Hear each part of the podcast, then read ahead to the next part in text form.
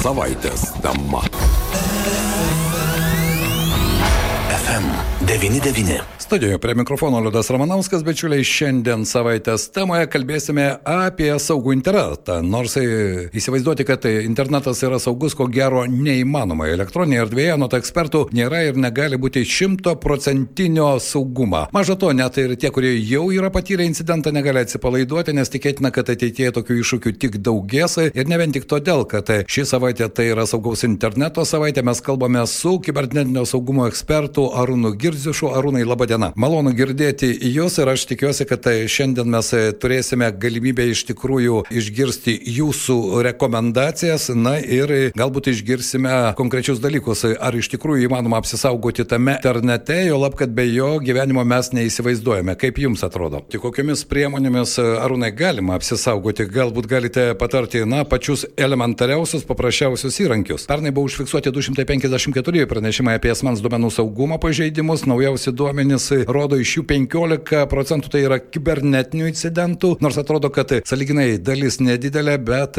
žiūrint per paveiktų duomenų prizmę, net iš pirmo žvilgsnio toks nedidelis skaičius įvykių atakų daro beveik pusiai, beveik 50 procentų nukentėjusių subjektų vis dėlto daro poveikį. Tad štai kalbant apie tos apsisaugojimo įrankius, ko gero tai yra labai svarbu. Apie įrankius. Įrankius kiekvienam iš mūsų paprastam vartotojui, po to galbūt šiek tiek pakalbėsime ir apie konkrečius atvejus, su kuriais jums teko atsidurti, nes mes puikiai prisimname mūsų gruodžio mėnesio pokalbius, po kurių kai kurie klausytojai į jūs kaip į kibernetinio saugumo ekspertą kreipiasi su rimtomis problemomis.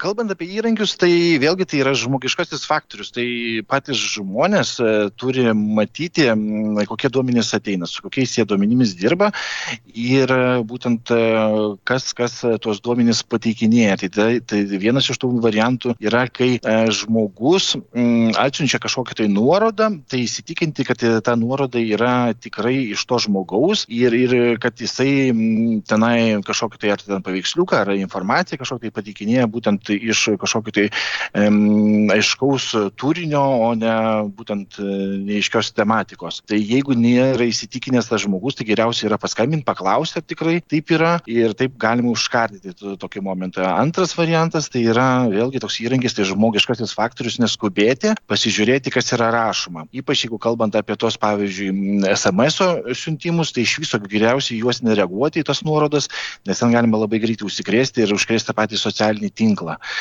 Va, trečias faktorius, aišku, turėti įvairiausias antivirusinės tas pačias programas, turėti netgi tų pačių svet naršyklių filtrus, taip vadinamus, kurie būtent atfiltruoja nuorodas ir kai tik tai bandoma užėti kažkokią tai svetainę, tai iš karto pasakoma yra, ar ta svetainė yra gera ar bloga. Tai visos e, šiuolaikinės naršyklės e, tokius filtrus turi, jas galima įsidėkti, tiesiog įrašote į paieškas e, naršyklių filtrai ir galima susirasti. Tai vat, faktiškai tokie yra trys pagrindiniai dalykai, su kuriais, trys pagrindiniai įrankiai, su kuriais turime dirbti. Aišku, ir turime dirbti Bet tai dar vienas svar, e, klausimas. Nesvarbu, kokio dydžio yra įmonė, įstaiga ar e, žmogus individualiai dirba, nes mes dabar matome daug tokių konkrečių pavyzdžių, kai socialiniai tinklai irgi išnaudojami kaip pardavimų paslaugų platformos. Ir štai tokių pavyzdžių, kai yra nulaužiami Facebook'o paskyros ir žmonės kreipiasi į ekspertus. Nežinau, ar Arūnai turėjote tą mūsų klausytoją, kuri kreipiasi būtent dėl socialinio tinklo paskyros nulaužimo būtent į jūs, jeigu konkretizuoti. Tikrai taip taip nes e, šiandien verslo kontekste jeigu paėmus taip socialiniai tie tinklai tai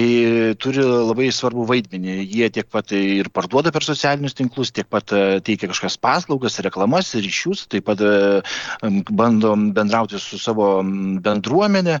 Va ir tokiu būdu jie turi saugoti ir tuos pačius duomenis ir stebėti ar vyksta kažkokios socialinės atakos tos socialinės inžinerijos įvairiausi dalykai ta pati dezinformacija arba tie patys fake newsai tie vadinami ne, tos melagienos, tai visas šitas dalykas yra labai svarbus, ateinantis netgi į Lietuvą toksai kontekstas kaip jau šnipinėjimas, kaip įmonės bando sužlugdyti kitais įmonės arba netgi pačios valstybės bando su, per įmonės sužlugdyti vieną ar kitą įmonę arba dasibrauti kitų valstybinių dalykų.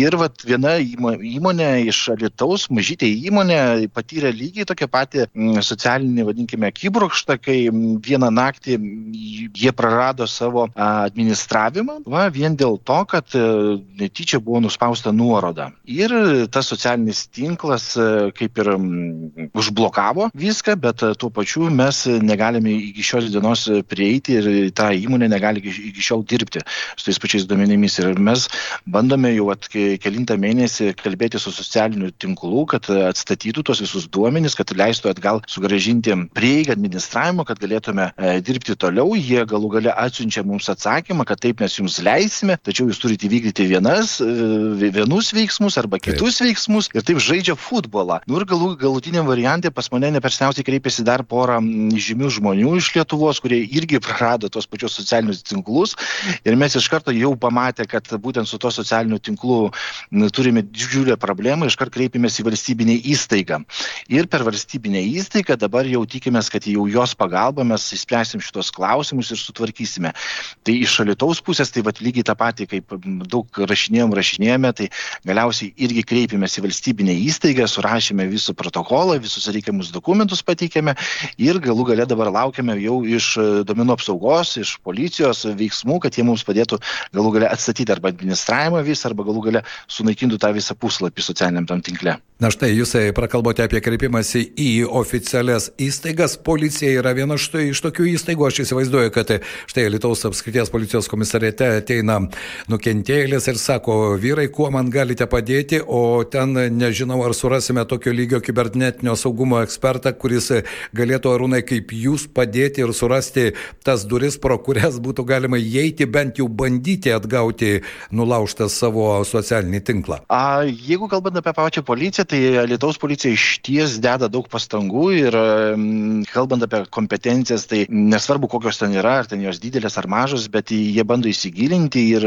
rūpinasi žmogumi, bando kartu susėsti, įsiaiškinti tą visą problematiką, pateikti, aprašyti, kaip vis, vis dėlto viskas vyksta, nu ir galų gale jie galbūt konsultuosis su Vilniumi, nes Vilniuje galbūt toksai variantas yra paprastesnis, nes mes tokiu, per elektroninę erdvę viską surašome, nusiunčiame ir galų gale gauname atsakymą, kad e, veiksmas prasidėjo, kad tyrimas prasidėjo, gauname tą bylą visai ir viskas pradeda judėti į priekį. Alituje pasikviečia netgi svečius ateiti, pakalbėti, susirašyti tą visą dokumentaciją, va įsiaiškinti, kokia tai yra problematika, nes pasirodo, Alituje tai yra pirmas kartas, kai yra kreipiamasi būtent kaip verslo e, žmogus į policiją, į būtent e, tą kibernetinę saugą policijos, kad būtent atstatyti būtų duomenys arba jie gražinti kažkokią tai privilegijomis kad socialinis tinklas galų galę sureaguotų. Va, tai pas jūs Lietuvoje toks gavosi unikumas, kai va, turime pirmą, pirmą, pirmą kartą. Atvejį. Jo, pirmas kartas, kuris baig, baigsis ar gerai ar blogai, pamatysime, tai čia jau toliau nu, tęsiasi visas šitas įvykis ir galų galę turėsiu, kai jau oficialiai bus galima kalbėti apie šitą įvykį, tada jau galėsime detaliau papasakoti viską. Bet tai tik įrodymas, Arūnai, kad mūsų pokalbiai jie iš tikrųjų nėra beprasmiai ir kai kam ta informacija ir mūsų pokalbiai apie saugumą, kibernetinį saugumą, gali padėti. Tikėkime, kad vis dėlto šios istorijos bus laiminga pabaiga. Dar vienas klausimas. Duomenų saugumas pažydžiamas ne tik tada, kai mes tyčia, netyčia ten paspaudžiame kažkokią kenksmingą kodų užkrestą nuorodą, bet štai būna juk tokių gyvenime atvejų, kai telefoną paliekame, pametame, kartais ir kompiuteris kažkur dinksta, po to atsiranda, na, paprasčiausi dalykai, jeigu kalbėti apie įmonę, sutrinka svetainės veikimai ir vartotojai negali pasiekti savo paskirų, ar duomenės išsiunčiami galbūt ne tuo e-mailu, ne tuo adresu. Tai irgi tame visame galima matyti tam tikrus realius pavojus.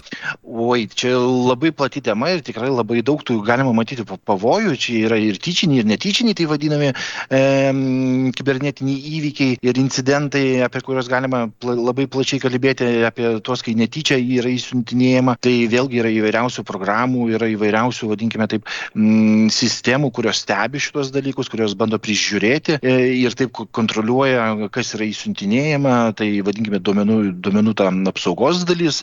Va, kalbant apie įvairiausius palikimus, tai kai yra paliekami įrenginiai, tai visą laiką būtina kreiptis kuo greičiau į savo, jeigu tai yra įmonės dalis, tai į įmonės IT skyrių, iš karto į policiją pranešti apie dingimą, apie praradimą telefono ar kažkokio tai nešiojimo kompiuterio, nes visi šitie įrenginiai turi, vadinkime taip, įvairiausius technologinius sprendimus pagal kuriuos galima atsekti, pamatyti, kurioje vietoje randasi ypač tie patys telefonai, va, kai kurie netgi tie patys kompiuteriai turi įvairiausius GPS ir taip toliau ir tiesiog galima labai greitai surasti, tai kuo greičiau yra visą tai pranešama, tuo greičiau galima pastebėti, kur tas įrenginys randasi ir kur jisai galų gale buvo paliktas ir, ir taip daryti užkardomąją priemonę. Yra begalės e, tų pačių programų, kurios blokuoja arba pradeda naikinti tuos visus duomenys. Įsivaizduokime, jeigu ten praradome kompiuterį, tai piktavalis atidaro kompiuterį, tai automatiškai tie duomenys tampa, su, su, juos bandoma sunaikinti. Todėl visą laiką rekomenduojama yra visus duomenys kelti iš kompiuterio į debesis. Jeigu netyčia yra prarandama arba sugenda tie kompiuteriai ar telefonai ar įrenginiai, tai debesyse visa ta informacija išlieka ir galima ją atsistatyti.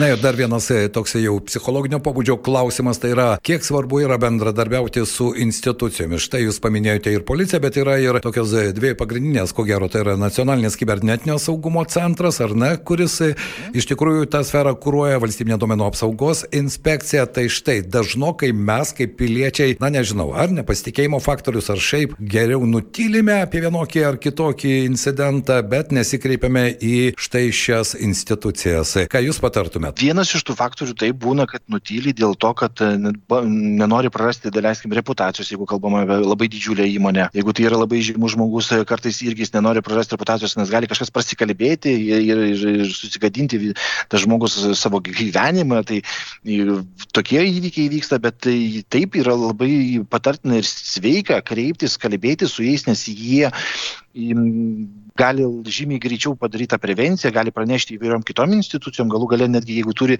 sąryšius su įvairiom įmonėm, didelėm įmonėm, tai padaryti prieš kardomąją tą, vadinkime, prevenciją ir, ir jeigu tenai kažkas atsiranda, iš automatiškai jie gauna tos duomenys, pranešinėja ir tai vyksta tarpusį tas bendradarbiavimas. Tai tikrai yra sveikintina ir jeigu įmonės e, dirba su šitom institucijom arba pradės dirbti, tai tikrai, tikrai papločiau, pasakyčiau, geri darbai atlieka atliekami. Ar tai reiškia, jog vis dėlto kriziai reikia ruoštis ne tada, kai įvyksta, o dar ko gero kol ji neįvyko ir žinoti, kad krizių valdymo grupės vis dėlto jos yra ir valstybinės ir iš esmės, na, tas prevencinis darbas, apie kurį ir jūs užsiminėte, jis turi būti kiekviename iš mūsų ir kaip individualiame vartotojuje, na ir nekalbant jau apie įmonės. Tad nelaukti krizės, o jai ruoštis iš anksto. Taip, tikrai taip, nes jie dirba 24 valandas, o mes dirbam arba 8 valandas, arba mažiau tų valandų. Ir jeigu naktimis atsitinka va tokie įvykiai, tai jie gali sureaguoti žymiai greičiau negu, pavyzdžiui, mes. Tai dėl to netgi kartais būna tokias sąryšiai su įmonėmis, kai siūlo įvairiausius susijungimus, stebėsenas įvairiausias, tai tikrai tikrai sveikintina. Ir dar vienas klausimas, šie metai ypatingi, kalbant galbūt čia irgi plati tema, tai yra geopolitinė situacija ir be jokios abejonės, kibernetinė erdvė tai irgi yra mūšio laukas, bus treji rinkimai Lietuvoje, aš nekalbu, kas ten bus Amerikos prezidento rinkimų batalijos metu, bet jūs kaip kibernetinio saugumo ekspertas prognozuojate, jog šiais metais intensyvumas įvairių kibernetinių e, problemų gali tik padaugėti? Jis jau daugėja ir eksponentiškai daugėja labai smarkiai, nes e, netgi tas e, tie kuriejai dirbtinio intelekto, jie specialiai pradėjo kurti ir tikrinti, kad nebūtų manipuliuojama vaizdais, nebūtų manipuliuojami tekstais, specialiai kūrė tam tikras programinės į, į, į, įrangą, ne įrangą, programinės aplikacijas, kurios e, būtent e, padeda kontroliuoti visus šitos įvykius. Ir batalijos iš ties yra labai didžiulės, ypač Amerikoje, tai jau senai prasidėjo, paėmus kitas šalis, tai jau irgi tai matoma, nes šiais metais virš 50 pasaulio šalių e, vyks įvairiausi rinkimai, tai čia mūšio laukas yra labai didelis ir iš ties įspūdingas ir jį sukontroliuoti yra labai sunku ir, ir įmonės jau labai smarkiai galvoja, kaip, kaip visą tai išvengti ir kaip užkardyti šios dalykus. Tokia situacija ne tik pasaulyje, bet ir Lietuvoje. Kaip Lietuvoje kontekstas keičiasi, kalbant apie kibernetinį saugumą. Kaip jums atrodo, esate ekspertas, neabejoju, kad bendravote su daugeliu klientų, tad jūsų nuomonė, požiūris į kibernetinį saugumą keičiasi? Keičiasi, labai smarkiai keičiasi. Jeigu paimkime su praeitais metais, kalbant apie statistiką, pavyzdžiui, paspaudimų ant nuorodų įvairiausių, tai praeitais metais buvo 30, šiais metais 24 procentai. Jeigu kalbant apie nuorodų ir įvedimo duomenų, ne, tai atskleidimą savo kažkokių tai duomenų, tai jeigu praeitais metais buvo apie 8 procentus, šiais metais yra apie 5 procentus, tai reiškia krenta, tai, tai reiškia, kad yra dirbama, kad įmonės didelės užsakinėja tas paslaugas, kad ir mažos įmonės užsakinėja tas paslaugas ir, ir bando bendradarbiauti arba vienytis kažkokias asociacijas arba prašo pagalbos kitų įmonių, kad bendrai kažką tai daryti ir taip, taip didina savo tą kibernetinį atsparumą, duomenų atsparumą ir tobulėja, tobulėja, tobulėja visi. Na, tikėkime, kad iš tikrųjų mūsų pokalbio pagrindinė esmė krizė reikėjo ruoštis, jei dar neatėjus ir mūsų pokalbis su kibernetinio saugumo ekspertu Arūnu Girdzišu ne paskutinis. Tikiuosi, mes dar Arūnai pakalbėsime, kai jūsų ta pirmoji istorinė Alitaus erdvėje istorija su e, užgrobtų socialinių tinklų pasieks vienokį ar kitokį finišą, galėsime apie tai pakalbėti plačiau ir padiskutuoti su konkrečiais faktais. Tikrai taip. Ačiū Jums šiandien, kad suradote laiko. Dėkui Jums, geros dienos, būkime saugus ir ne tik kasdieninėme gyvenime, bet ir internetinėje erdvėje. Mūsų pašnekovas buvo kibernetinio saugumo ekspertas Arūnas Girdziušas. Tai buvo šios savaitės tema. Radio stotis FM99. Šios savaitės tema.